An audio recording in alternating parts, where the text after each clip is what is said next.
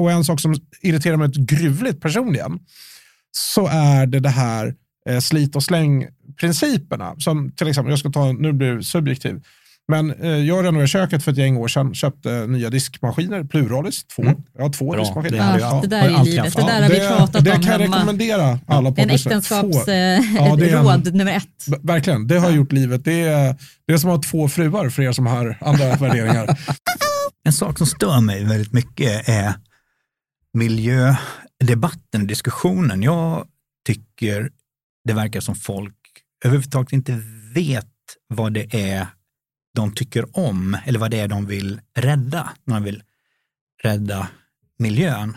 Jag tar ett exempel som eh, ja, häng, hänger ihop med det här. Eh, det finns eh, öar i, i, eh, i skärgården, om man säger, i, i Sörmland, som har blivit naturreservat. Vilket har lett till att de har växt igen och det man ville bevara har försvunnit. Och det har med att göra att de allra flesta människor verkar tro att miljö som de vill bevara, miljö som de uppskattar, alltid är en orörd och vild miljö. Men det är faktiskt så att även ett så pass glesbefolkat land som Sverige har ju huvudsakligen miljötyper som bär spår eller rent av som i huvudsakligen eh, har formats av mänsklig närvaro. Och att det är det som vi egentligen skulle vilja se bevaras. Och på något sätt har man säga, de som har kapat miljöfrågan, nämligen vänstern, de gör människan till något slags exogent eller eh, naturens fiende. Människan är alltid ett problem i deras och det ska återställas till när det inte fanns människor, vilket jag tycker är fullkomligt vanvettigt. Och jag blir så upprörd över detta så jag skulle kunna göra det till mitt mission och se till att fler människor förstår vilken miljö det är de uppskattar, så de förstår vad det är de vill bevara och skydda. Och jag tror att det skulle göra miljöfrågan till en solklar högerfråga igen. Och då undrar jag så här, eh, vilket är det man vill liksom be- återställa? Är det istiden? Eller är det Ja. dinosaurierna? Ja. Eller Eller urskogen. urskogen? Ja. Eller, för att istiden var ju här några tusen år liksom, och härjade. Och, och den tror jag kanske inte så många egentligen skulle återställa. Nej. Nej. Så det är någonting efter det som man vill återställa. Då, om vi tar svenska miljörörelsen, måste det vara. Och är det då 1750? Fast, det, ja, eller fast den svenska miljö, miljörörelsen vill ju eliminera människan. All mänsklig påverkan är dålig. Och det är ju även på europeisk nivå. Hela den här eh, vattenkraftprojektet eh, som, där man nu har pausat det, den svenska regeringen har ju pausat, men det finns ju tryck ifrån EU att återställa vattendrag som har varit eh, uppdämda för mindre kraftverk. Men du tänker på den här återställ våtmarkerna? Nej, men Ja, det är inte nej, också det här handlar om, det handlar om vattendrag. Eh, Jag kan ta ett exempel. Det finns ju det här eh, som jag, jag kan aldrig lära mig namnet på det, men vi har det här myggstället utanför Gävle som är det, det kända. Vad är det heter? nedre Dalälven, i Ja, men det finns en Ja. camping där som Ja. de pratar alltid om. Och Att, det är en bit in, från, alltså in Ja, i landet exakt. från Gävle, Och där det går inte att gå campingen- Det är utomhus. lite mer miljöpartistiskt sätt att vara blodgivare. Lite så, exakt, exakt. För tydligen så när man kliver ur bilen så är det så här, man förföljs av ett moln. Så lagom till man kommit in för att liksom betala för att kunna åka genom entrén, då vill man åka därifrån. Det heter ju, ja det heter något ställe, det, står helt sti- still vad det heter. Men eh, det faktum att det är så i nedre Dalälven, det är ju en konsekvens av faktiskt eh, vattenkraftverken. Mm. För att innan så när det forsade, då var det inte samma eh, ägg, ägg eh, eh, myggäggsvolymer som ledde till de här Det är det stora. reglerade flödet som skapar de små pölarna. liksom. Som, Ja, visst. Så, att, så att där har du ett sånt exempel. Och om man tittar på vattenkraften som ett sånt fenomen så är det ju så att eh, vi har otrolig mängd vattenkraftverk. Eh, om jag inte missminner jag säger, drar till med siffran 800, någonting sånt, Mm. vattenkraftverk. Men det är ganska få av dem som genererar en, en signifikant volym, utan väldigt många av de här är ju så gamla så att de skulle man faktiskt kanske kunna återställa. Det vore liksom inte så att det skulle slå på energiförsörjningen nämnvärt. Då. Men du menar att man skulle återställa liksom marken som det var innan vattenkraft? Inte Ja, men riva vattenkraftverket Riva det så att det blir helt fri och- flöde. Ja, fast det som talar emot det är ju att de är ju där ute i nätverket. Vi kommer i framtiden behöva mer produktion som är längre ut i eh, kraftnätet. Men det beror på vilket syfte man har med den här nedläggningen. Alltså man skulle kunna återställa dem av andra skäl, men kanske inte av energiskäl, nej, för vi men- behöver energin ja, de levererar. Men det, det, är därför, det är därför regeringen har bromsat den här processen. Men för mig finns det en miljöaspekt också och det är att de är inte uppdämda på 50 eller 60-talet. De här Det är ju 1800-tal en del. av många det. fall Ja, 1800-tal tidigare. eller ännu längre tillbaka. Så det här är ju svenska kulturbygder där man har använt sig av eh, vattnet och vattenrätten för att göra eh, den här platsen mer beboelig, kunna försörja mer människor och ha, det har helt enkelt varit en, en av aspekterna av att man har gjort det till eh, människovänligt. Och det har också skapats både små industrier och eh, lantbruk och sånt runt omkring det här som man på något sätt ser ner på och inte värdesätter när man vill riva de här vattenkraftverken. Och det här är bara ett exempel. Om man, jag rör mig väldigt mycket i, i Sörmland och när man åker där så blir det väldigt tydligt efter ett tag att vänta lite, detta är inte vild natur. Det här har varit tättbefolkat i kanske 6000 år eller mer. Tättbefolkat är väl kanske lite av... Ja, men tättbefolkade i den meningen att det inte finns stora eh, vilda eh, sammanhängande naturområden eh, områden som inte är påverkade av mänsklig verksamhet. Mm. Och, och det betyder att, att allting vi ser där, allting vi gillar, eh, hagmarker, betesmarker, eh, de här små öarna av eh, lövträd i, eh, som finns i, eh, eh, i åkermarken, hur träden ser ut. Det här att träden ofta inte går hela vägen ner till marken utan att det finns Eh, antingen hamnar man dem eller så har eh, kreatur betat på träden så högt de når. Det är massa saker med det som de flesta människor inte förstår vad det är de ser som griper tag i dem och gör att de tycker här vill jag vara. Man får bra känsla av det. När det i stor utsträckning handlar om att här har våra förfäder i tusentals år försörjt sig på den här marken och gjort den nyttig för sig eh, för att kunna liksom försörja sig och ha sin familj och, och det har skapat miljöer som människor uppskattar. Men så här, alltså... Och när man tar bort möjligheten att bedriva jordbruk till exempel, eh, så växer det igen.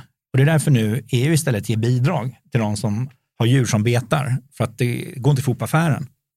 Nej, men så, Nej, men, inte i men, Sverige. Men, Nej, jag bara på tänkte de här träden som du svamlar om här. Alltså, eh, jag, jag ser framför mig att man åker på E4 och så åker förbi sådana här tallområden som ser ut som, som man vet är planterat för att de har röjt ner och så har det återplanterats typ bara tall.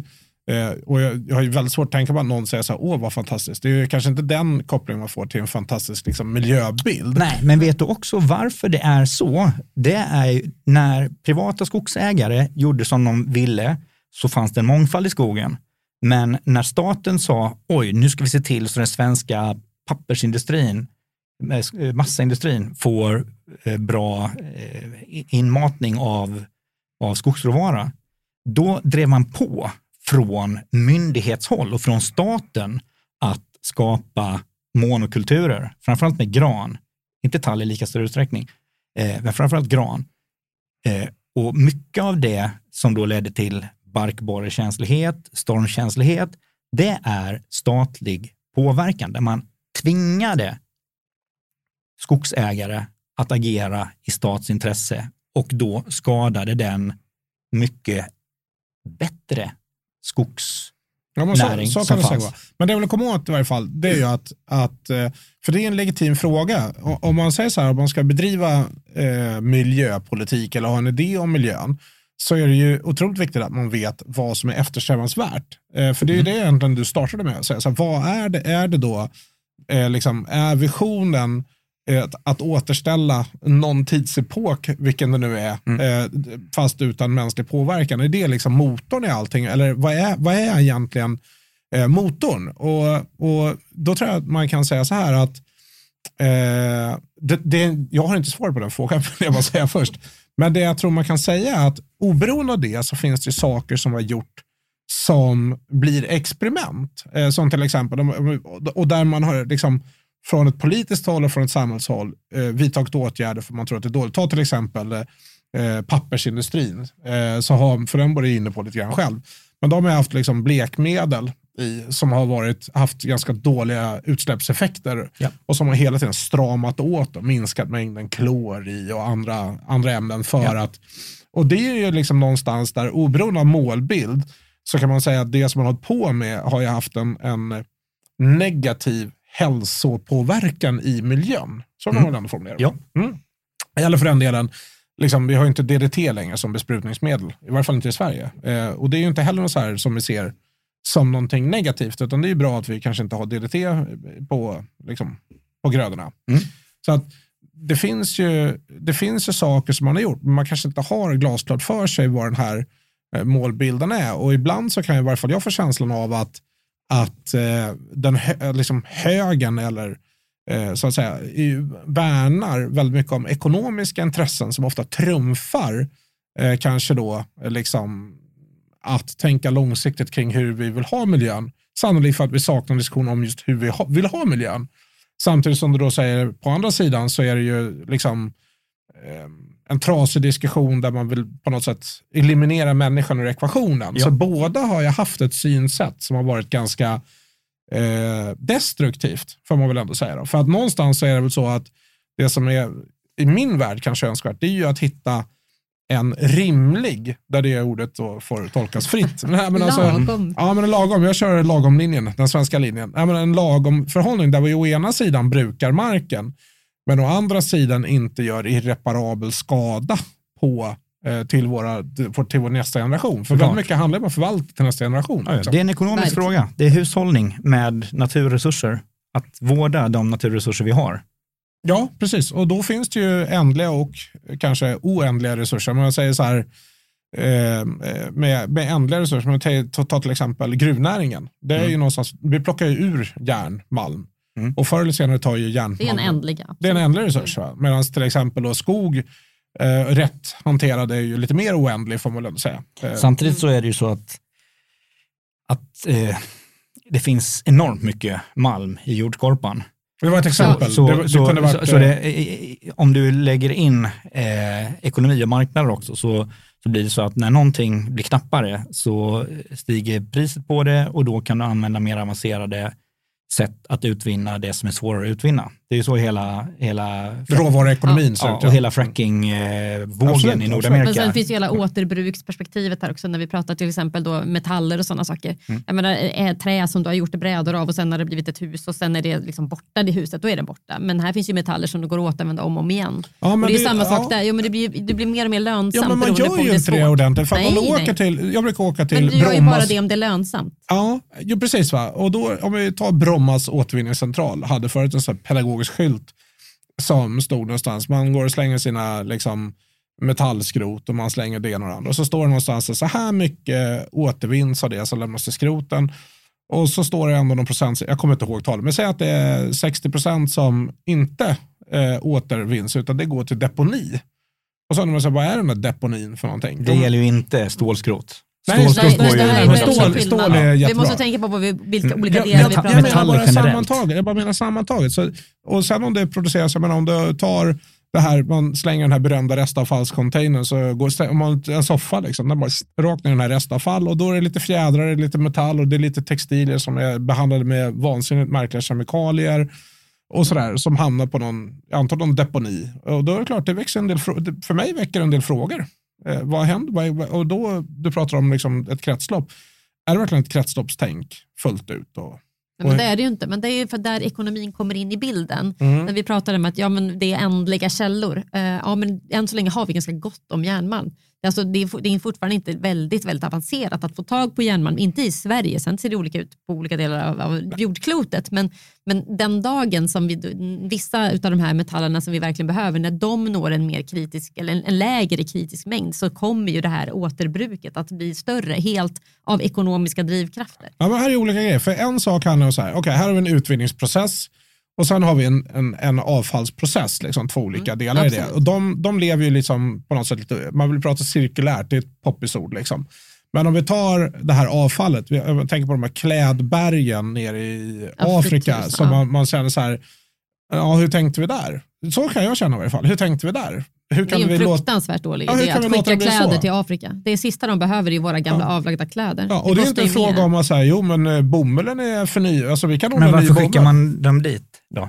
Ja, jättebra fråga. Jag har hyresgäster som skickar container med, container med, med saker till sina kusiner i olika konstiga länder i Afrika och Asien. Nu tror jag att de här, det här är ju inte det som är tänkt till att användas, utan det är det andra. Så Elfenbenskusten är väl ett praktexempel. Där det blir liksom de här enorma ja. bergen. Och så ja, de, får, de tar betalt för att ta emot det. Förmodligen. Jo, men det finns ju en marknad också där i de här länderna. Så när vi skänker våra kläder här så får vi en liten godhetsfjäder som vi kan liksom sätta fast i vår hatt och så går vi hem och känner att men det var lite gött när jag gjort Inte bra Johan. för jorden. Johan får ingen godhetsfjäder. Får ingen. Jag, känner, jag känner ingenting sånt alls. Nej, men man, man, gör ju det här för att man vill göra något gott. Man tänker att ja, men de här stackars barnen i Afrika de svälter och de behöver min gamla tröja.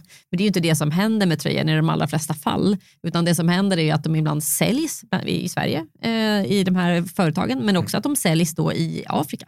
Och det gör ju att den här marknaden i Afrika för kläder som de tillverkar själva, den, får ju alltså liksom, den backar ju istället då för att nu kommer vi med våra avlagda grejer. Som ja, fast, om, fast, fast om, du lyssnar, om du lyssnar på, eh, på klotet i Sveriges Radio, jag lyssnar på det ibland. inte på Sveriges Radio så mycket. Jag lyssnar men... förfärligt mycket det. Då är det ju så här att en återkommande tema där att vi måste, man måste minska nyproduktionen och det var så var det om, det är lite konstigt, om bostäder, man ska minska nyproduktionen och man ska göra mindre nya kläder, det ska återanvändas Absolut. mer. Och det då är det precis det man åstadkommer. Men då ska du göra det lokalt. Det finns ju inget skäl i världen till att våra kläder i Sverige ska åka hela vägen till Afrika. Då är det ju bättre att de säljs i en second hand-butik i Sverige. Alltså det beror på vilken miljöbelastning den resan Okej, okay, men jag, nu tänker jag, så här, jag tänker kanske inte på de kläderna som faktiskt någon kommer använda, för då finns det ju ett, då finns det ett bruk. Liksom. Utan jag men jag menar att det är en liten... Du, du går och köper dina, din, liksom, din coola tröja, du har på den några gånger, den hamnar då i någon sån här tipp. Liksom, för att du har, du har spillt rödvin på den. Vad är den gjord av den här tröjan? Den är gjord av bomull Ekologisk och bomull. Nej, men, då... inte, alltså, men vänta, men sen så skickas ja. den ner och då, då, får man, då har man en stor container med sopor. Och sen så eh, kommer man överens med någon korrupt rackare där nere i Elfenbenskusten. Du, vi ställer av den här, vi tömmer av den här hos dig så får du tio mm. lakan. Och så säger de, ja, visst. Och så, så häller man ut den där på stranden och så blir det ett giftigt avfall. Eh, alltså det, det är det jag pratar om. Ja, är det vinet på tröjan som är giftigt eller vad är det giftiga? Nej, men det, nej för att de här textilerna. De varför är... gör man det på stranden av alla ställen? Ja, det är där, jag vet inte. det, inga det var Det är ingen som äger stranden. Poängen är ju att, att det här, om det inte är biologiskt nedbrytbart, då blir det ju deponi. Men bomull är väl i högsta grad biologiskt nedbrytbart. Jag, jag glömde ett par slalomstavar under en pressändning i Villaträdgården för några år sedan. Och så när jag hittade dem blev jag jätteglad efter två år. Så tog jag med dem till skidbacken och så eh, det visade sig att, att de här eh, öglorna man stoppar i händerna i, ja. eh, de här tygöglorna, de var i syntet, men det var sytt med bomullstråd. Så för, första jag bara tog ett tag och det sträckte lite, då, bara sprutt, då gick ju alla, alla sömmarna och så var det kört. Okej, okay, men då säger så vi att det är nylon då? Det kan ja. få nylon om det är Det är ganska mycket nylon. annat skit också i kläder. Det är ja, det är massa kemikalier och dylikt. Och då menar jag så här, det här hamnar ju där och då det är inte så att det här stora deponiberget där nere är på grund av Elfenbenskustens egna invånare, utan det är ju för att vi har gjort en deal där, där vi, de, vi har satt på dem avfallet, mm. eh, liksom, eller de har fått en slant för att ta emot det, så låtsas vi som att det regnar. Och jag menar, här har vi ett, vi har ett, vi har ett ansvar för eh, vår avfallshantering. Fast är det inte egentligen så att, om, att den som tar emot det har ett ansvar? Den har också ett ansvar. Men nu pratar vi om, det är ju genom korrupta länder vi pratar om här i det ja. fallet. Men, Men det, det kanske kan ta, inte borde kan liksom ge dem så mycket benefit of the doubt kan, här. Think, think pink. Är det det vi pratar om? Det är lite think pink-känsla. Ja. Men, men även så i Sverige så är det så att vi pratar så om en fantastisk cirkulärt återvinning och så. Men ta, någonstans så hamnar det ändå väldigt mycket som inte återvinns. Ja. Och då är frågan så här, hur mycket krav ska man ställa vad ska man ställa för krav då? Men Eller- du tänker lagmässigt i Sverige eller, eller i Europa då? man kan Vad vi försöka- skulle ha ska för vi- lagar kring att vad, vi- vad vi måste återvinna och inte? Är det det du är ute och far efter? Jag tänker att när vi diskuterar ett förhållningssätt till miljö så, så kan jag känna att eh, det finns absolut utrymme att vara tuffare. Absolut. Ja, ja, Alltså jag känner mig inte så berörd av, av, av det här. Jag, jag tror inte jag har några kläder som är köpta på den här sidan 2020. Men det är ju en del av Sverige och, vi, och här Ja. finns det ju andra människor Jag- som bär kläder. Så att vi, enda jag Jaha, köper- du har trott att den här podden handlar om att angripa dig? Jag tror, exakt. exakt. Nej, men jag, jag köper ju egentligen bara lite brandsäkra underkläder till racingen. Oj, Annars, så- an, då annars, kan du tänka vad de har annars så hämtar du resten i ufflådan. nej, jag återanvänder eller det, jag, har, jag har lite folk som, som dumpar kläder på mig för att jag, är så, jag kvävs om jag går i klädaffärer för det är så otroligt tråkigt. Men det jag funderar på är vilket problem är det man vill lösa? Som Fredrik vill lösa menar du? Ja. Ja, men om du tar, vi, tar, vi tar, jag konkretiserar lite grann. Mm. Nu finns det en diskussion till exempel som handlar om de här PFAS-ämnena. Ja. Eh, Känner ni till den här diskussionen? eller? Oh ja. Ja, PFAS är ju eh, någon, ja, nu, mina kemiska kunskaper här kommer ju inte på sin plats, Nej. men det är väl någon, eh, misstänker, kan det vara nanobeläggning som man använder på till exempel då, ta stek, te- stekpannor så har du ju som sån här teflodyta som man behandlar på något sätt så att den blir Fast problemet vi har är ju från brandbekämpningsskum från de stora flygflottiljerna. Det, det är, är ett sånt- därifrån det kommer. det är, Du menar att det är där de stora mängderna i Sverige... Ja, det är det som Ja, är det är- skandalerna. Jag vill Ja, så exemplifiera ämnet. Men precis, brandskum är ett jättebra sånt exempel. Ja. Ja. det, för det är väl den, som du säger, det är säkert den stora volymen. Jag är inte expert på volymerna heller vill jag påtala. Nej. Men då är frågan så här, okej, eh, ska man driva på för ett förbud mot det? Med, och, och om man tittar historiskt, om man tar till exempel det med pappersindustrin, då har man ju gjort så att man har satt ut en, en, liksom ett tidskrav och säger om fem år kommer vi förbjuda det här, lös Ja. problemet. Och sen så får de lösa problemet på den tidshorisonten. Ja. Och då är min uppfattning att, eh, och jag kanske har fel, men min uppfattning är ju att här har ju inte högen gått i bräschen. Fast lösa problemet gör man ju inte riktigt. Om man säger sluta svina ner mer än vi redan har gjort, är det ju det handlar om. Ja, Jag har ju köpt mark och byggt bostäder efter ett eh, pappersbruk Mm. i Nacka. Mm. Och det gick i princip ut på att man spolade berghällen ren för att få bort allt eh, organiskt material som hade de här gifterna i sig. Eh, så att det joinade resten av gifterna som låg på sjöbotten Mm. nedanför. Och sen la man ett nät över och så olika kornstorlekar på grus och sten på. Och så stängde man in det där nere. I det läget Men det kunde... var deras eget sätt att lösa det här problemet. ja, det var det de enda hade- sättet. Det, var ju, det är ju Nacka kommun och... det är en deponi helt enkelt. Ja, man, man, Ja, man kan inte, det. om man börjar gräva i det så grisar man ner mycket värre. Som om den, den bara stänger man till. Man Liksom. har skjutit på problemet. Ja, och så, och men sen så, egentligen så när man gör det där, då så, så länge ingen ankrar där eller river i detta, så kommer vattnet vara jättefint. Och nu bor det ju massa människor, det här är tollare i Nacka, mitt emot Fiskis. Eh, så nu badar ju och simmar folk där och bor, har köpt bostadsrätter för liksom eh, 70 000 kvadraten och tycker livet är, är toppen i största allmänhet. Men de facto så problemet som eh, pappersindustrin där skapade har aldrig löst riktigt, utan det har Ja, men absolut, men om jag, det här är, det en del av det här problemet. Det, skulle det jag här med, om du då tar ditt brandskum, då handlar det om att se till att inte problemet växer om du vill Ja, formulera det så. ja. Det är fine. Men poängen är att så här, är det här saker där eh, högen borde gå i bräschen? Eller är det så att vi ska vara reaktiva? För jag förstår ju så här, det är klart att tittar man på eh, lite historik så är det klart att ett land som Sovjetunionen till exempel, där var ju inte miljöfrågan på bordet överhuvudtaget, utan det var helt andra saker. Va? Men samtidigt som du tittar idag så känns det ju inte heller som att kanske högen drivande i en hel del av de här frågorna som är PFAS till exempel. Då, eller, eller, Eller, vad det någon, kan vara. Tyvärr, alltså i ganska många miljöfrågor så är man ju extremt icke-drivande. Mm. På är något ju- sätt har ju vänstern liksom sett sig äga den här frågan. Sen är det ju, när det gäller PFAS så är det ju staten överallt. Som är, alltså det är ju det är statliga flygflottiljer, statliga eh, brand, eh, Fast nu brandbekämpnings... tänker vi egentligen generellt. Alltså kring Ja, men det här, det här exemplet är ju, det är ju, det är ju, det är, ha- det är ju en Erin, Brock, Erin Brockovich eh, situation, fast det är kommunen och som har vatten som är här var, eh, det var Är det de som är Ronneby. brandskumsansvariga? Nej, men de, det, är de som har, det är de som har levererat vatten med PFAS i till människor. Så människorna stämde kommunen Mm. för att de har druckit vattnet som kommunen. Ja, Ja, ja, det, var det fallet som Ja. var ganska nyss nu. Ja, men, där de vann. men PFASen kommer ju från eh, flygflottiljen och eh, brandövningsplatsen där man har släckt med det här skummet. Så att det är liksom, det är ju kommun och stat som har ställt till det här. Staten har ställt till och kommunen har inte säkrat upp att det vatten de har levererat Ja, har varit ja. tillräckligt bra. Det är väl Ja. ganska kortfattat så. Sen Men- finns det men- säkert någon, oh, förlåt, Men, men det som Fredrik är ute efter far efter tror jag, det är inte specifikt PFAS Nej, eller, eller koldioxidutsläpp eller, eller liksom, du vet, dioxiner och, och alla sådana saker. Utan det handlar om begreppet, ska eh, högern eller borgerligheten eller vad vi nu väljer att kalla den, gå in och försöka driva på kring olika former av miljöklassad det lagstiftning i fullkomligt större självklart. grad. Ja, ja. Och- Det är ju det är en självklar men högerfråga. att, att man är rädd för det på högerkanten? För man är rädd för att blandas ihop med liksom galna miljömuppar på, från vänstern och att det i sin tur har varit kontraproduktivt överlag för det här. Jag skulle säga att det handlar om att, att miljöfrågan är nerkladdad av vänstertomtar. Bland annat här att, att man anser att människan är ett problem.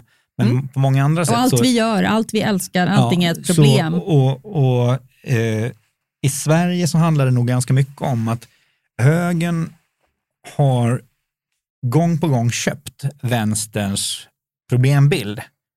Och sen så försöker man komma med, sin, med lika bra lösning, eller bättre lösningar på det. När det egentligen är så att man behöver backa ut och säga, nu bygger det på att man inte har gett bort eh, hela media, eh, kommandohöjden Mm. media till vänstern, vilket man har gjort i Sverige, så man är direkt chanslös. Men att liksom skita i allting som vänstern babblar om och istället eh, ta ett eget grepp och säga, okej, vad, tycker- vad är viktigt? Vad är miljö? Och en sak som för mig är fullkomligt självklart, det är att flytta ner klimatfrågan flera pinnhål eh, i debatten, för den, är, den hör inte hemma på topp tre i miljöfrågan, enligt mig. Utan eh, det finns ju Vad tänker du då? Kan du säga, vad är din topp två?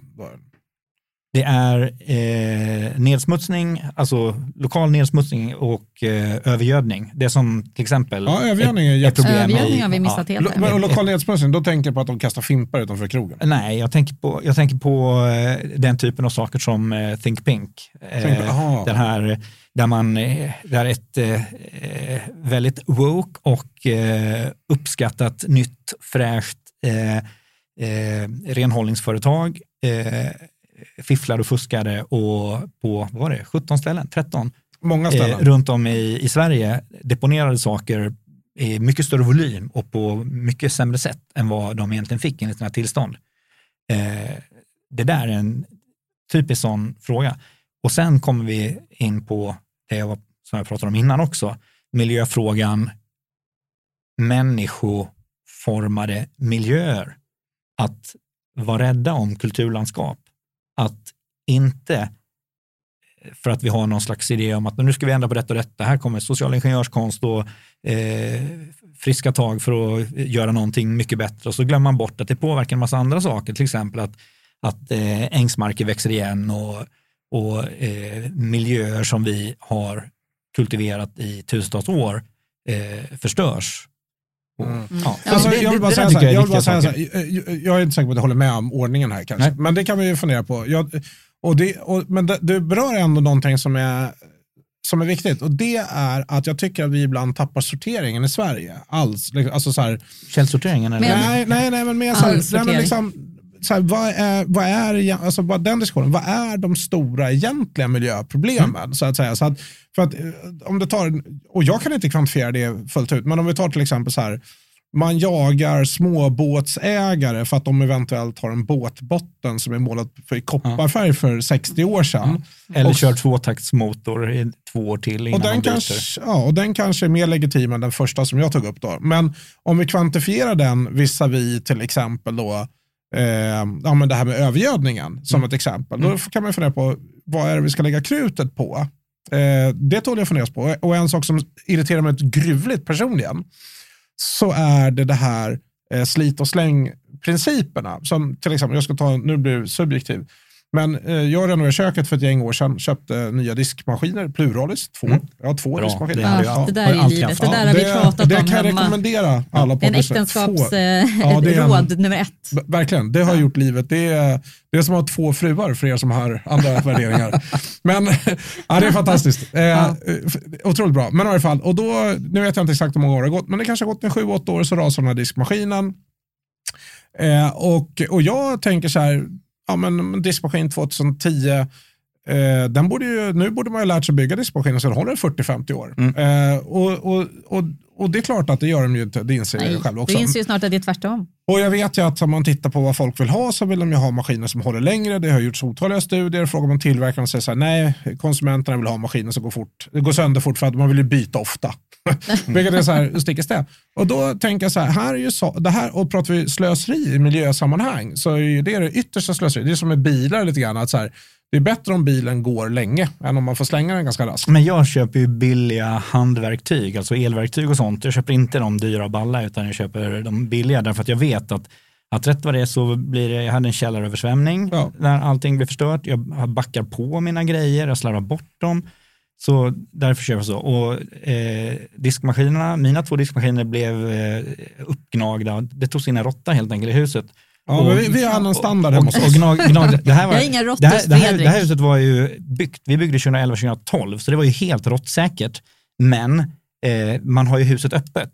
Ja, och en råtta togs in eh, och så mumsade i sig plastbakstycket och eh, slangarna. Ja. På, Men- och, så, och, och det, det jag vill komma är ju att det är inte säkert att det är mycket bättre att ha mycket längre livslängd. För om det finns andra skäl till att de här sakerna går sönder, då har man ju tryckt in resurser i någonting som inte eh, kommer kunna finnas i arbete så länge som de har tänkt i alla fall. Ja, det är det- alltid en minsta gemensamma Ja. nämnare. Om Ja. en del av den går sönder och du har väldigt mycket resurser på de andra Ja. delarna så är de fortfarande hela men din maskin är trasig. Ja. Men vi tar ett exempel, om du tar bilindustrin. Ja. Hur länge har man krav på tillverkarna att tillhandahålla reservdelar? Mm, det kan vi prata med gruvan om. Tio år. Ja. Men en bil som har en livslängd på tio år, det känns ju väldigt vanskligt. Mm. Och då är frågan, man kan ju lika gärna bestämma att det är 20 år. Man räknar 15 tror jag. Men Ja, men vilka, det är, vilka, tio år som är vilka är man då? Vilka är det Ja, men det finns en beställt? lagstiftning som säger att lagstiftning. bilproducenterna, Mm. även om det är svensk eller europeisk, men det är tio år man behöver tillhandahålla reservdelar. Och man kan, ju, man kan ju driva i en riktning, som då tar diskmaskiner. Jag kan inte säga så här, jag tycker vi ska lagstifta att alla diskmaskiner ska hålla i 20 år. Men man kan till exempel säga så här, vi tycker att det här är en viktig frågeställning. Eh, alla tillverkare måste eh, redovisa eh, i sin försäljningsinformation hur många år deras diskmaskiner snitt håller. Mm. Då har man ju skapat någonting. Incitament. Exakt. Mm. Och det är ju en politisk fråga. Det går ju att styra det och säga så här, ja nej men det är ju konsumentinformation. Men istället så står det hur mycket vatten den drar i Sverige som är en helt Energiklass. I ointressant Sverige, fråga. i Sverige är det totalt Ja, ointressant eftersom vi har fråga. jättebra system för oss Ja, runt ja. vattnet. Alltså vem fan bryr sig om den Men drar? är inte det, är, det, är inte det någonting som, som eh, något företag kommer vilja göra i alla fall? Ja, det man men det måste ju på. finnas drivkrafter för att man ska vilja göra men det gör som det, väl, företag. för det, det finns en kommersiell drivkraft för det. Det jag tycker är fascinerande är att, att just bilindustrin, de har väl antagligen varit mycket, mycket bättre på lobbying, men just bilindustrin eh, skiljer ut sig på ett sätt. Jag, återigen, eh, det här lyssna på klotet, det här miljöprogrammet. Det, Lyssna inte på kloten. Nej, ni- Lyssna på alla ska med. Ja, men, Du gör reklam för public service Nej, men här jag nu. lyssnar mycket, mycket, mycket på det, för det är, eftersom det, vill man veta vad folk får ikört i huvudet, det är ju liksom... Det är din eh, research. Ja, public service är ju, ska man säga, den programvaran som läses upp i huvudena på, på svenskar. Så vill man förstå hur svenskar tänker ska man lyssna. Och en sak som var väldigt intressant, det var ett, program där de pratade om, ja, vi måste sluta, eh, vi måste minska nyproduktionen, det är det enda som, och då gällde det bostäder. Så bara tänker man, vänta lite, har du någonsin hört det i bil, någon som pratar om bilar? Vi måste minska nyproduktionen av bilar. Nej, det är Det är tvärtom, så att då tvärtom. skottar man in 40 000 i bidrag till den som köper en ny bil. Och så där är det, det är så konstigt. Och jag vill bara, kan vi inte börja med att sluta göra dumma saker, politiken, innan vi hittar på nya lagar och regler och bidrag och kors och tvärs. Kan vi bara säga, okej, kan vi åtminstone sluta göra alla dumma grejer? Vet du? Men hur ska vi kunna komma överens om Man kan det? göra flera saker samtidigt. Så, kolla, om jag tar, om jag tar det här. Kruxet Bort med med miljön. politiken. Men vänta, det är krux- väl lätt att komma krux- överens om för oss Ja, som är det är- frihetliga. Nej, men kruxet med är miljön är lätt. att den är kollektiv. Ja. Alltså det är inte så att så här, Vilka- du? Vilken är din kollektiv? lilla- Nej, men miljön är ju kollektiv. Ja, alltså, ja. Det är inte så att så här, med din lilla plätt, utan det finns ett grundvatten som löper under och det är kollektivt. Ja, absolut. Jag är helt med på det. Ja. Men spåren av politiska ambitioner i de här frågorna förskräcker. Staten och politikens inflytande har lika ofta varit negativt. Det var därför jag tog exemplet med... Inte lika med, ofta. Det var, jo, det var därför Nej. jag tog exemplet med monokulturen i skogsbruket. Det var därför jag tog det här exemplet med hur vi beter oss visavi bilindustrin jämfört med hur vi beter oss visavi produktionen, produktionen av bostäder. Politiken saknar liksom mått och sans. Jag tycker steg ett, alltså jag, jag är beredd att ägna mig åt detta och inte föreslå någonting nytt, utan först bara säga back the fuck off. Liksom. Sluta göra massa dumma saker från politik och regleringssidan. Och sen kan man liksom tänka efter, okej, det finns ett problem. Ja, du identifierar problem för det, jättebra. Diskmaskinsproblem. Det ska man Diskmaskinen. med. Okej, vad är problemet vi vill lösa? Okej, och så tittar man, ja, vad finns det för förslag på att lösa det här? Och sen tittar man på, inte bara på de konsekvenser av den här förändringen som man inför, som var de tänkta, utan man säger, okej, vilka unintended consequences får det här också? För det är nästan alltid så när man gör sådana här saker, det finns massa med jättebra exempel på det. Eh, googla efter, efter ormar och skottpengar på ormar i indiska städer så kommer ni hitta jätteintressanta vetenskapliga artiklar. Tänk, jag aldrig googlat på det. Jag vet inte varför. Det är. Ja, jag säger För att man får unintended consequences som, som är så mycket, så mycket negativt så att alla det här lilla positiva som man vill åstadkomma och man i viss mån kanske något lyckades skapa Absolut. drunknar i det negativa. Men, men, men- och det, men jag förstår att du kommer till Maus springa efter fåglarna. liksom. det, är po- där, det, Politikens och politikers självförtroende när det gäller miljöpolitik är absurt stort givet utfallet hittills. Jag tycker vi ska börja med att ta bort en massa politik. Jo, men, men du kommer ju tillbaka till en annan grej och det säger vi måste sluta göra dumma saker. Mm. Och jag kan hålla med dig om att det finns massa sjukt dumma saker som, har, som politiker har skapat inom den här, till exempel alltså subventioner av olika slag, Ja. vilket ju oftast får priserna bara att gå upp med motsvarande peng eller sådana saker och att man också ger kanske pengar till fel individer. Alltså det, fin, det får inte önskvärd effekt. Nej. Men det stora problemet här är ju att om, som, det, som ändå Fredrik säger, det här är ändå en kollektiv, grundvattnet är kollektivt, luften är kollektiv. Ja. Det är väldigt mycket här som är kollektivt och jag vill gärna ta bort politiker från jättemycket. De ska ha sina fingrar borta från väldigt mycket. Men problemet är att du måste ge det till någon annan istället. Därför att någon måste ta de här besluten som är kollektiva. Vi vill vara individualister, eh, men i det här fallet så kan vi inte vara individualister. Och då är frågan om vem är det som ska bestämma vad det är som det är bra vi ska göra istället? Det har ju till exempel visat sig att vatten är en sån sak som har, det har varit väldigt framgångsrikt att låta någon äga vattnet. Mm. Nej, men alltså det är sådana här grejer, men, men vem ska ta de besluten? Då måste vi ändå till med en lagstiftning och då ska ju politikerna in i alla fall.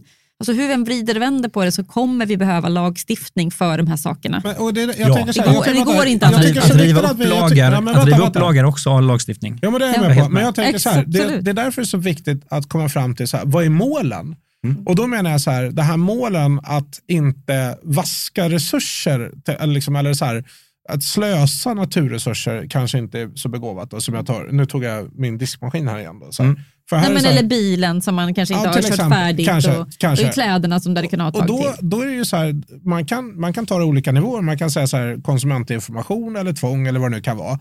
Och, och, och jag gillar ju i sak kanske båda. Problemet är att nu har man ju hittat KPI ett vattenförbrukning istället som kanske inte är så relevant. Nej. Och så har Nej. man gjort liksom en jättenummer av det. Nu tror jag i och för sig det är inte lagstiftat utan det är ju en konsumentinformation. Det ska ja, stå, det är inte bara det. Alltså, i, när man bygger så är det ju plan och bygglagen och BBR. Nu tänkte jag på diskmaskinen. Ja, plus, ja, men även eh, vattenförbrukning generellt eh, har ju fått en alldeles för stor roll. Och i norra Djurgårdsstaden så var det till exempel så att, att det var ett mål i sig, vilket var helt vanvettigt. Och när jag frågade varför, vi byggde ju eh, ja, 130 eller något sånt där lägenheter där.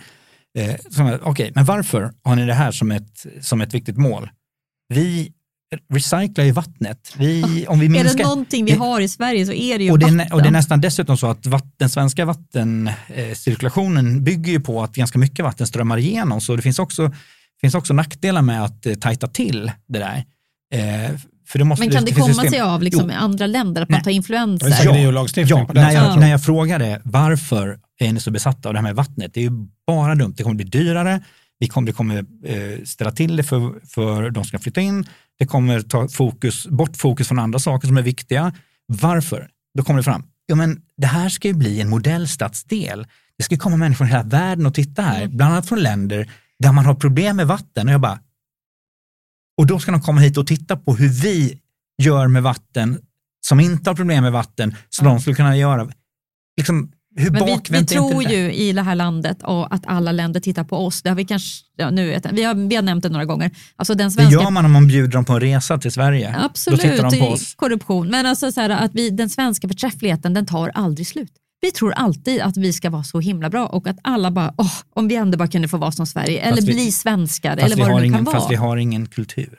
Nej, vi har ingen Det kultur. finns ingen svensk kultur. Men vi är Nej. bäst. Ja. Vi Men- vet bäst och vi gör bäst och väntar bara tills de kommer till oss för att titta på vad vi gör. Och då, då får du det här liksom, i perspektivet många andra länder där färskvatten är en bristvara. Mm. Så är såklart detta jätteviktigt. Men nu är det en av de sakerna som vi kanske inte har brist på. Vi har brist på annat i Sverige, men vi har inte brist faktiskt på färskvatten. Ja, men jag kan ändå tycka att det finns områden som jag tycker man skulle kunna eh, ändå liksom ta längre fastän att de kanske inte livsavgör. Men ta, en sak jag älskar är det svenska pantsystemet.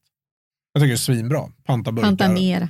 Ja men verkligen, alltså det, det är ändå så här, det gör ju att vi snurrar väldigt mycket mer eh, aluminium på rätt sätt än att det går Absolut, samtidigt uppfattar jag att det är ett resultat av en ganska så framgångsrik lobbykampanj ifrån de kommersiella aktörer som driver det pantsystemet. Ja, men, men, men slutprodukterna är ju ändå att eh, vi har ett bättre... Eh, Det kan ju vara Bättre än i många andra länder, Ja, absolut. Ja, Ja. Är, är det något land som har det bättre? Nej, jag, jag, jag tycker också att det funkar Jag har en bra. känsla av att vi i Sverige Ja, är liksom så här, ledande. det där, ja, det där är ju fantastiskt. Då, jag tänker så här, konservburkar, det känns som en standardiserad produkt. Är det någon nackdel med liksom att alltså, trycka i den riktningen? Samtidigt så är det så här att det där är ju källsortering. Ja, Och källsortering är ju framförallt en folkuppfostringsmetod. ja det har varit det. Det är Fast det fortfarande. pantsystemet är ju inte det, för där har du det ekonomiska Ja, incitamentet exakt. Där, som ja, du Det det applicerar menar. ovanpå. Och, och det är det jag det gillar. har man Jag lagt gillar det det. på, men det kanske... Det funkar ganska bra Ja, att men det, uppfostra folk med ja, pengar. fast det finns ett annat alternativ och det är att använda teknologi för att sortera ut. Släng allting Ja. i samma och sen landar det någonstans där man använder sig av eh, magnetism, elektronik, pneumatik. Jag är öppen för det också. Ja, Alltså jag är också öppen, jag är öppen men i för det- enkla jobb. Men i det fallet, och det håller jag med om, för det, du kommer till en annan poäng som jag vill också belysas alldeles Mm. strax. Men det är ju att eh, då kan man ju ålägga krav för att konservburken ska ha ett visst ämne som går att suga upp med den där elektromagneten till exempel. Då. Så det finns ju, det finns ju, då har ju också lagstiftningsapparaten som man, som man använder sig av. För att nå- Alla ämnen har ju egenskaper. Så egentligen handlar det väl om att du kan anpassa din apparat Mm. för vad det nu är för folk som kommer med för förpackningar och sådär. Så, Men det är mer kostsamt om du tvingas liksom göra Ja, men- om apparaten väldigt ofta, så det kan finnas ett värde ändå i att, att man liksom löpande har Ja. lite, men någon slags, det här är det som gäller, så här ska Ja. glas vara. Sen, Men sen, vänta, ska, jag sen ska jag säga så här, bara, Ja. att jag källsorterar. det För att, jag med. för att, Ja. eh, Men vi är Bananer. Men, men, nu, allt. men nu har man gjort det systemet och man skulle kunna protestera mot det genom att vägra delta i det. Jag tycker det är lite barnsligt så därför så källsorterar jag. Men jag tar varje tillfälle att argumentera emot källsortering. Ja, men och vänta. istället maskinsortering, Ja. central maskinsortering. Absolut, och då, och det, då vill jag komma till en annan poäng. För det där jag också tycker, eh, för då har du en poäng. Eh, det, har jag alltid. Ja, det, det, det, det här, det här Den kom- ligger där långt där ja, det här inne gör jätteont. bakom. Det här kommer inte hända igen. Aj, aj, aj. Men det har en poäng. Och det är ju just det här också att eftersom det är, det finns en, liksom ett präktighetsfenomen i den här källsorteringen så har man gjort det lite svårt för folk och det stör mig något gruvligt. Så här, man ska åka ner, istället för att man liksom skulle ha, ja, jag som är villägare till exempel, jag skulle kunna ha fyra kärl, sex kärl som står där. som Det har du i papper. många kommuner nu, när du får sådana delade kärl och Nu jag bor har jag inte i kommit till Stockholm. Stockholm Nej, utan vi har två. Vi har det bruna och det gröna. Och, och, och grejen är, det, det tråkiga är att du, du betalar lika mycket per kilo om du använder det bruna som det gröna. Mm. Så att så här, det finns liksom inget... Gnesta eh, tar ner, eh, tar ner avgiften om du eh, komposterar själv. Ja, det är ett exempel på sån här uppmuntringsgrej. Då. Men då menar jag så här, man ska ändå åka ner med de här grejerna till eh, återvinningscentralen. Och det jag har upptäckt, det är ju att speciellt för lägenheter så verkar det vara ett jättestort systemfel. För att folk, många har inte bil. Mm. Och eh, jag vet inte om det är för att de bor i hyresrätt eller bostadsrättsföreningar, men de verkar ha problem med lite större kapitalvaror. Så då kör de ner den till den här lokala återvinningsstationen och så står en tv där, det Ja. står en soffa och så här. Det ser ut så i vårt villaområde. Ja, man det är skit ja, det är fan- överallt. det är så. Alltså. Ja, jag blir så arg. Jag blir så Ja, arg. jag- och då vill- tänker jag så här, Alla det bostadsrättsföreningar någonsin har eh, ett par gånger om året tjafs om vad någon har ställt i soprummet. ja, jag vet. Jo, men det Den var, när jag var ordförande så lappen. var det så hela Det är, tiden. liksom, det är luddet Ja. i torktumlaren Ja. och så är det Ja. den där tvn i cykelrummet. Men jag är ändå imponerad, för när jag satt i min bostadsrättsförening, då, när någon hade fått in en sån här tvåsitssoffa i en sån här soptunna, som var, det tyckte jag, alltså, Då det fick är ändå, ingen ut den ja, sen. men, alltså, om man har lyckats med den bedriften, då hade man ju kunnat bära den till land och rike Ja, runt. då är det A liksom. for effort. Ja, och det, men, men grejen är, här finns det massa mekanismer man kan jobba med. För att det där är ändå så här lokal, vad ska jag säga, lokal nedskräpning som du illustrerade, så, eller du tyckte var så viktig. Och någonstans här, man kan ju baka in avgifter för bortforsling av X och Y, till exempel, eller om du tar det här, vi tar till exempel konservburkarna, då kan du ju skapa ett producentansvar att de får stå för en del av utvecklingskostnaden för maskinsorteringen. Alltså det finns ju alla möjliga sätt man kan göra. Men idén är ju, det ena är att självklart ska man ha ingångsvärde, man ska förenkla för medborgarna. Men samtidigt så tycker jag att man ska vara tuff i kravställningen att, och att man ska driva mot att försöka jaga en del av de här större frågorna. Och det som skaver för mig lite grann, och nu är det självkritik, det här kommer inte heller hända igen, så vi gör det den här gången. Håll i hatten allihop. Ja, nej men det är ju att vi, vi har varit ganska dåliga på att identifiera just den här prioriteringsordningen. Vad är det som är ett riktigt stort problem? Ja. Och Ja, där är vi inte överens i landet, det kan nej, vi säga. Men, och, men en sak som jag håller med dig om, det är ju att övergödning är nog ett, min begränsade kunskap. Jag tror att det här gödproblemet, eh, alltså det som händer i jordbruket, där finns det en del problem. Och det är mycket invecklat och det verkar inte helt trivialt att lösa. Fast det är inte ett svenskt problem i första hand. Eh, Nej, det är ett i- globalt Ja, men det finns i Sverige. Alltså, det är inte- i- det är inte ett svenskt problem, Östersjön men- så kommer ju den övergödningen numera från Ryssland är östra sidan. Ja. Eh, medan eh, vi skulle kunna ha hit Edvin Nordén eller Snyggbonde på Twitter som är jättebra på de här Absolut. sakerna. Vi, det är alltså så att Jag tror eh, ingen, ingen av dem är kanske miljöexperter heller. Men de, är, jordbrukare. de är Nej, experter jordbruks- på eh, frågan om hur eh, gödning används i jordbruket. Gödning är nämligen så dyrt så att idag har eh, en spannmålsodlare har system som med i realtid, när traktorn rullar framåt, läser av det som är framför och portionerar gödning för att optimera så att man inte någonstans ska skvätta ut gödning, eh, dyr gödning där den inte behövs. Det där är ett system man skulle kunna ha på krogen när man portionerar ut öl. Så att ingenting slösas. Inget herrgårdsspridning, det behövs inte. det, det ja, men där finns det mycket effektivitet tänker jag, så att man inte slösar. För en del vaskar ju öl har jag hört. Ja. Ja, champagne och ännu Ja, värre saker. ja. Men, men alltså, bara för att knyta, vi, vi pratade lite om det här förut, vad, vad är högerns ansvar och vad, vad, vart är vänstern i det här? Och jag tror att det är lite av problemet i Sverige, det är att vänstern och högern måste ju ha eh, konflikt. Det är ju så. Vi kan liksom inte bara vara överens om att det är jävligt bra att bygga massa kärnkraftverk, även om det är det.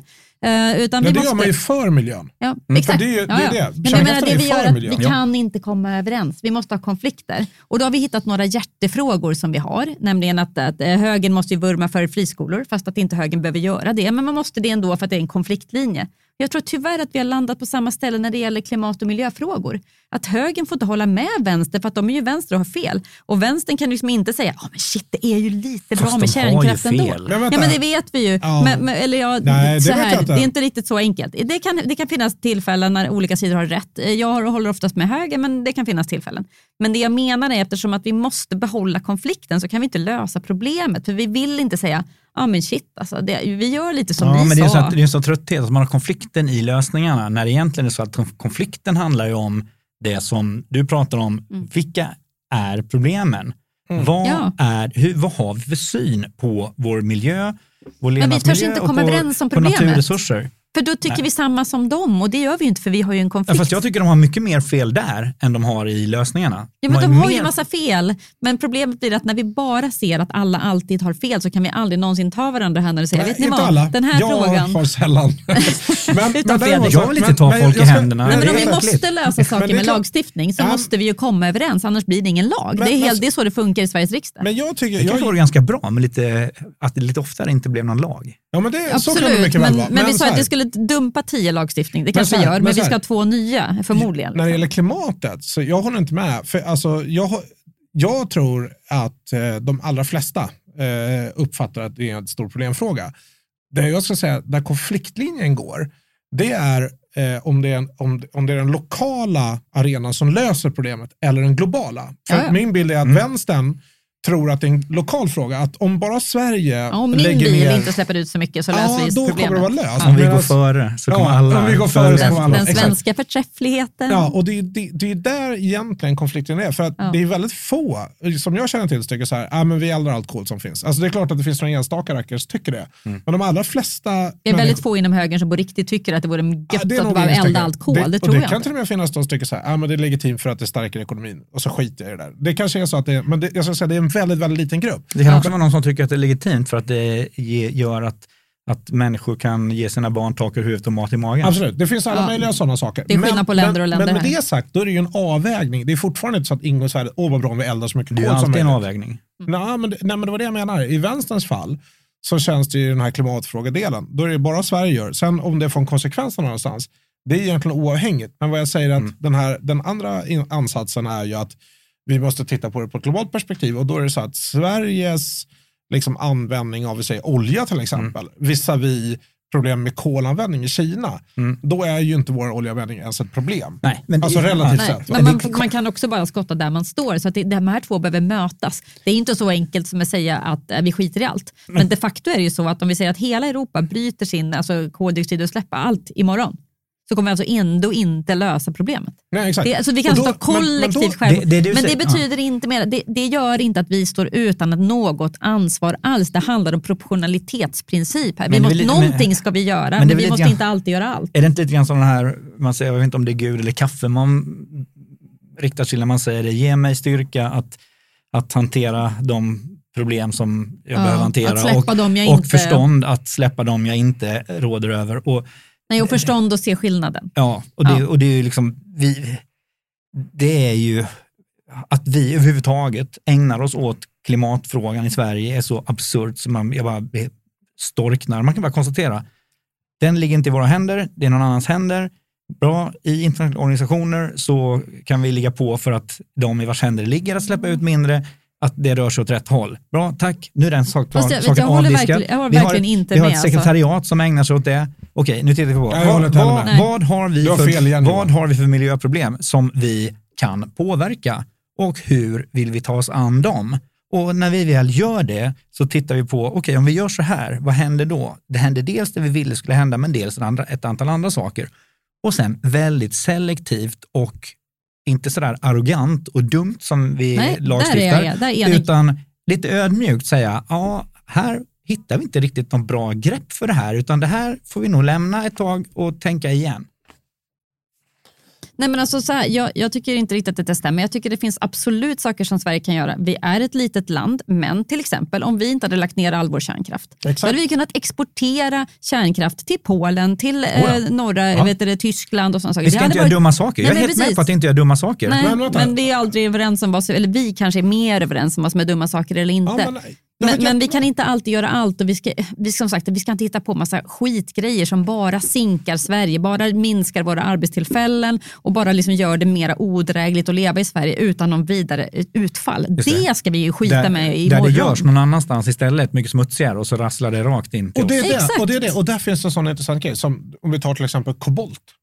Sverige har ju koboltfyndigheter. Men vi ska ju bryta både uran och kobolt och Ja, andra men fast vi har inte-. Fast vi har inte treåringar som kan bryta det. Nej.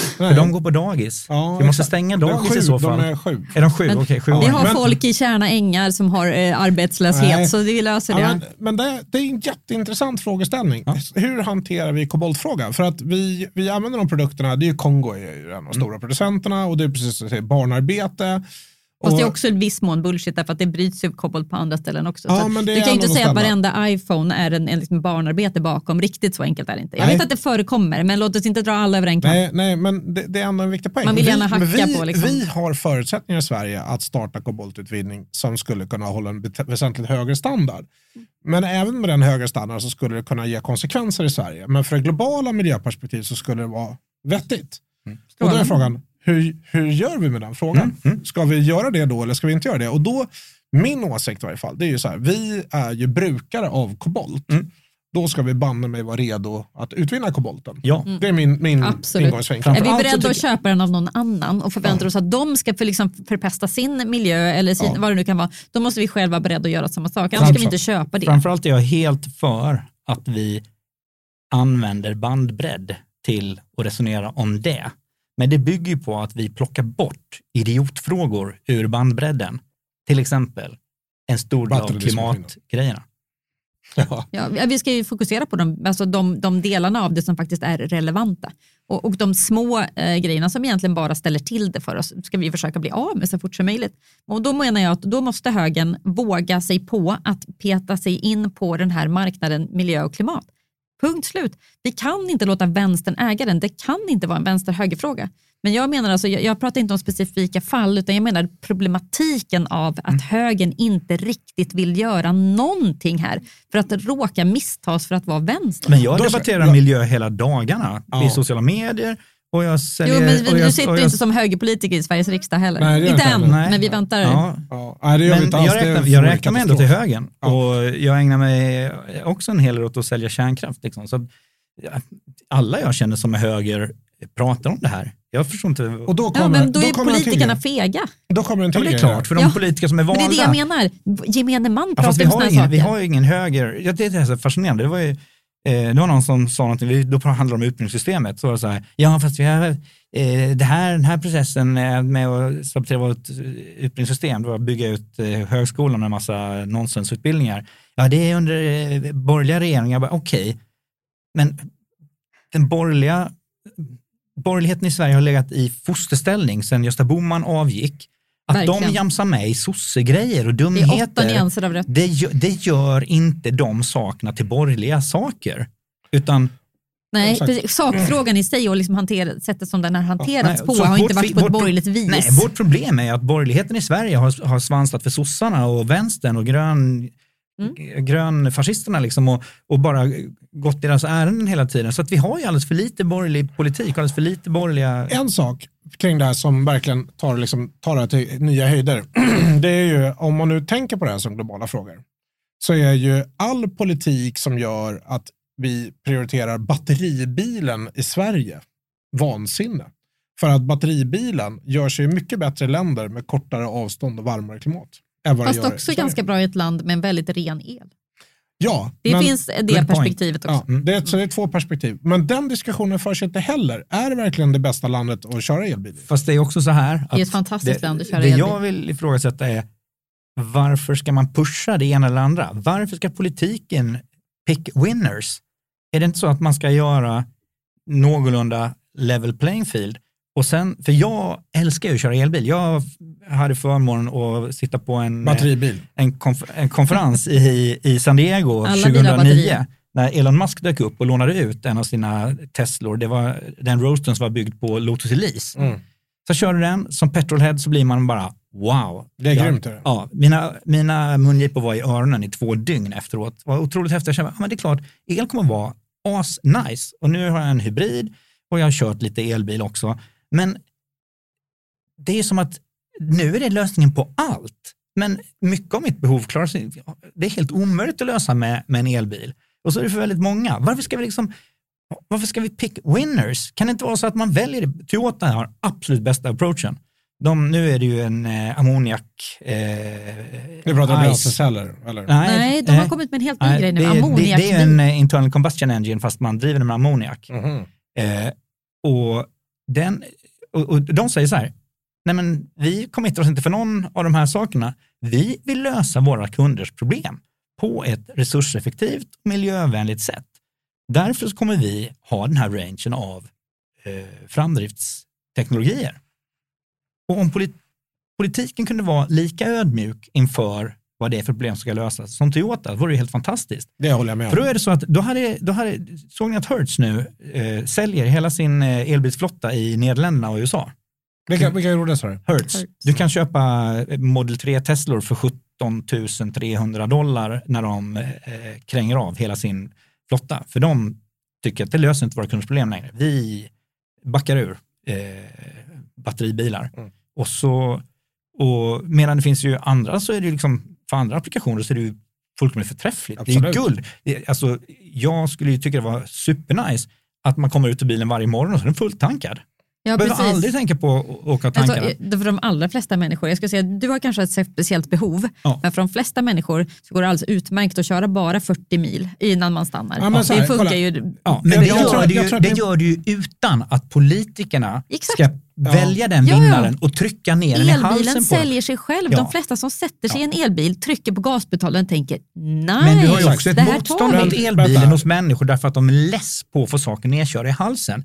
Så massa människor som borde köra elbil kör inte elbil därför att de blir förbannade. Ja, men de är också less på att få nedkörda i halsen det eviga tjatet om det här räckviddsproblemet. Ja, som här. inte är ett problem för de allra flesta, men som de har trott. Så här tror jag på att det finns då, liksom, onda Ja, kålsupare på bägge ju, sidor. Vi är ju överens egentligen, för det som var min poäng här, det är ju att den teknologin då, batteribilsteknologin, den är ju inte neutral idag, utan man har ju subventioner av till höger och vänster och har kört länge. Men är det så på global nivå? Nej, men nu pratar jag om Sverige. Ja. Och det, Nej, Sverige har då har ju, det, det jag menar att då har ju vi ändå drivit det, fast att det är tveksamt om det är det bästa just nu för de flesta. Och så vidare. Och igen, om de här batteribilarna till exempel kördes kanske i Holland så kanske det hade varit bättre ekvation eftersom vi har vårt nordiska klimat till exempel. Men jag delar din Eller syn. gasa, det skulle passa bra. Men Ja, men jag delar din syn. Vi kanske ska, vi ska, vara, el vi ska vara mer ödmjuka inför det här än vad vi är. men alltså subventioner, det, alltså jag håller med. Alltså, jag, vi har ju fått de här pengarna när vi har köpt elbilar och såna grejer, men det är fortfarande ganska små summor i sammanhanget. Men jag, jag hade gjort det ändå. Alltså, vi köpte ingen bil och jag tycker inte att man ska stoppa in pengar i bilar eller jag tycker inte att man ska stoppa in pengar Nej, och ska köpa en Ja, sen- ja, elcykel. men sen ska man också- utan ja. låt det lösa sig av sig självt. Ja. Sen ska man också ha titta på klart för sig att även att vi lever inte i ett vakuum, utan när det gäller eh, batteribilar och vindkraft och solenergi så finns det en stor spelare som, apropå det vi diskuterade tidigare om, eh, om eh, hotbilder och så här, Du menar inte Kina nu? jag menar inte Kina, jo, eh, där, där de subventionerade, de vill få in oss i ett eh, beroende. På samma sätt som Ryssland ville få Tyskland gasberoende, så, så Kina vill passade att vi ska Kina vara väldigt bra. De, de vill inte att vi ska ha en, eh, en fordonsindustri. De Nej, nej, vill, nej, att de, 100%. de vill ha fordonsindustrin. Därför så pushar de de här grejerna och så står glada svenska eh, byråkrater och politiker, ja men vi subventionerar också, vi. Och det som händer är att vi samtidigt som, eh, som eh, med energivände i Tyskland och våra svenska energiproblem, Tyskland avindustrialiseras i princip. Så, så, så blir det liksom, så egentligen så är det ju inte, det är inte nog med att vi inte ska subventionera, vi ska inte acceptera att någon annan subventionerar ett teknikval heller. Nej, nej, när alltså, det vi inte vill ligger i ha vårt dem- geopolitiska Vi vill inte intresse ha de mekanismerna därför att vi tror inte att de långsiktigt faktiskt kommer fungera på det sättet som Nej. det var önskvärt. För det, så, som det blivit med de här elbilspremierna, det blir ju så här, ja, men en, en, en lite fattigare person som inte har råd att köpa en ny bil ska alltså med sin skattesedel subventionera när vi köper en ny Tesla. Ja. Det är ju förkastligt. Ja, det är ja. helt Och jag- jag- orimligt. Och jag tror- jag Ja tror exakt, bilar. undersköterskan betalar Ja. min bil. Det tycker jag är helt men, orimligt. Men jag tror ju att om eh, 20 år så, så är liksom över hälften av alla eh, fordon för persontransport är eh, eldrivna. Absolut, ja, för det är ju ja. där vi kan köra el. Alltså det är betydligt svårare i flygplan, svårare i lastbilar som har tunga fordon. Ja, de- Om de det är någonstans vi ska på. dra det så är det ju till personbilarna. Ja, egentligen, så jag säger inte vad vi ska eller inte ska. Jag tror att Nej, men kom- det här är vad jag att det också. så. Men jag tror också att det kommer finnas rena, bra förbränningsmotorer som löser vissa problem bättre. Du tänker ammoniakspåret eller Nej, motsvarande? men vi Nej, behöver- men vi även- behöver inte det lösa det. även- Nej, men det Johan även, säger, eh, det Johan säger som jag håller med om. Vi, det är inte, vi ska inte bränsle. ha, vi ska inte ha det politikens jobb är inte att lösa tekniken. Däremot så kan man agera liksom blåslampa och säga det här är inte så miljövänligt, så det kommer försvinna, så får Mm. ni hitta på något bättre till exempel. Fast det Men vi är ju ska- också ett sätt att göra det på, alltså att förbjuda saker. Ja, men jag säger det. Det Ja. är det jag säger. Du vill inte, Men- du men vill jag inte skapa säga så här, incitament. men det är batteribilen som är framtiden. Det kanske Nej. är bränsleceller, kanske ammoniak. Och, och det som jag tror, kontentan av det här samtalet, det är ju någonstans här, uppenbarligen så finns det ju en stark konsensus i det här rummet, vilket förvånar, kring att miljön är en supercentral högerfråga som borde ha större plats i diskussionen än vad den kanske har. Tillvägagångssättet och vilka frågor som är de viktiga att adressera. Där kanske vi har en del kvar att jobba på.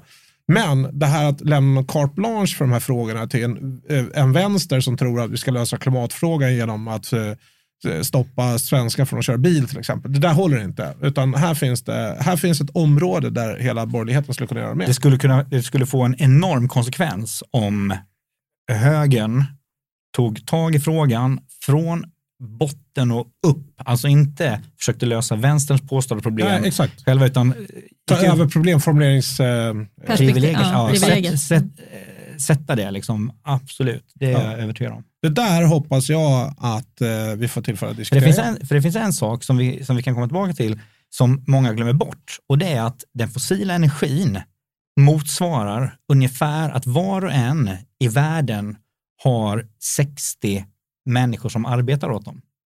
Och i de Ja, rika länderna, energi, energimässigt. energimässigt, Ja. ja. Och om du också tar in maskiner och sen så eh, IT-utvecklingen och sen AI på det. Jordbruk och sådär. Ja, och i rika länder så har man räknat fram att det motsvarar ungefär att du har 240 personer som jobbar åt dig i världen. Eh, det här att vi har tillgång till, till energi, där den fossila energin är en jätteviktig bit än så länge. Och fantasin om att den ska bytas ut snabbt är befängd. 86 procent av energin. Fossilt.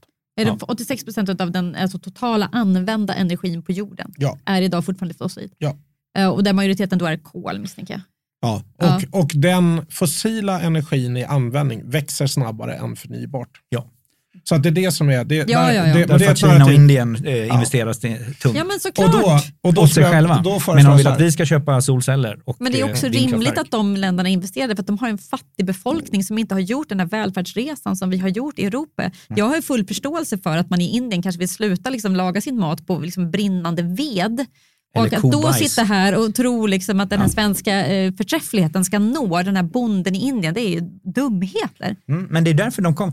Kina kommer ju till våra sådana här eh, möten och pratar och Ja, nickar såklart. och säger ah, ah, ah. Men de Och har också så- investerat sig ganska så hårt in i svensk Så vindkraftsbransch. skottar de vindkraft och eh, solenergipaneler till västvärlden medan de bygger kolkraftverk till sig själva. Sen bygger de i och för sig ganska mycket förnybart i Kina också. Ja, det får man faktiskt säga. Det var ju någon slags historiskt rekord nu. Ja, men Och har- därmed de inte har- sagt de att har allt 300 förnybart är så har himla bra, det var inte det. 300 nya kolkraftverk planerade som har en genomsnittlig livslängd på 40 år. Absolut. Nej, Så nej. att de har ingen De- plan jag menar bara att vi- att, de har ingen plan att eliminera eh, fossil energi. Nej, men om vi ska få hela perspektivet så gör de ju såklart båda sakerna. Mm. Men fortfarande som sagt att om hela Europa tar ett kollektivt självmord imorgon och avslutar all form av energianvändning så kommer vi ändå inte lösa problemet där. Så det är liksom så, det, det är i Asien och Kina det händer.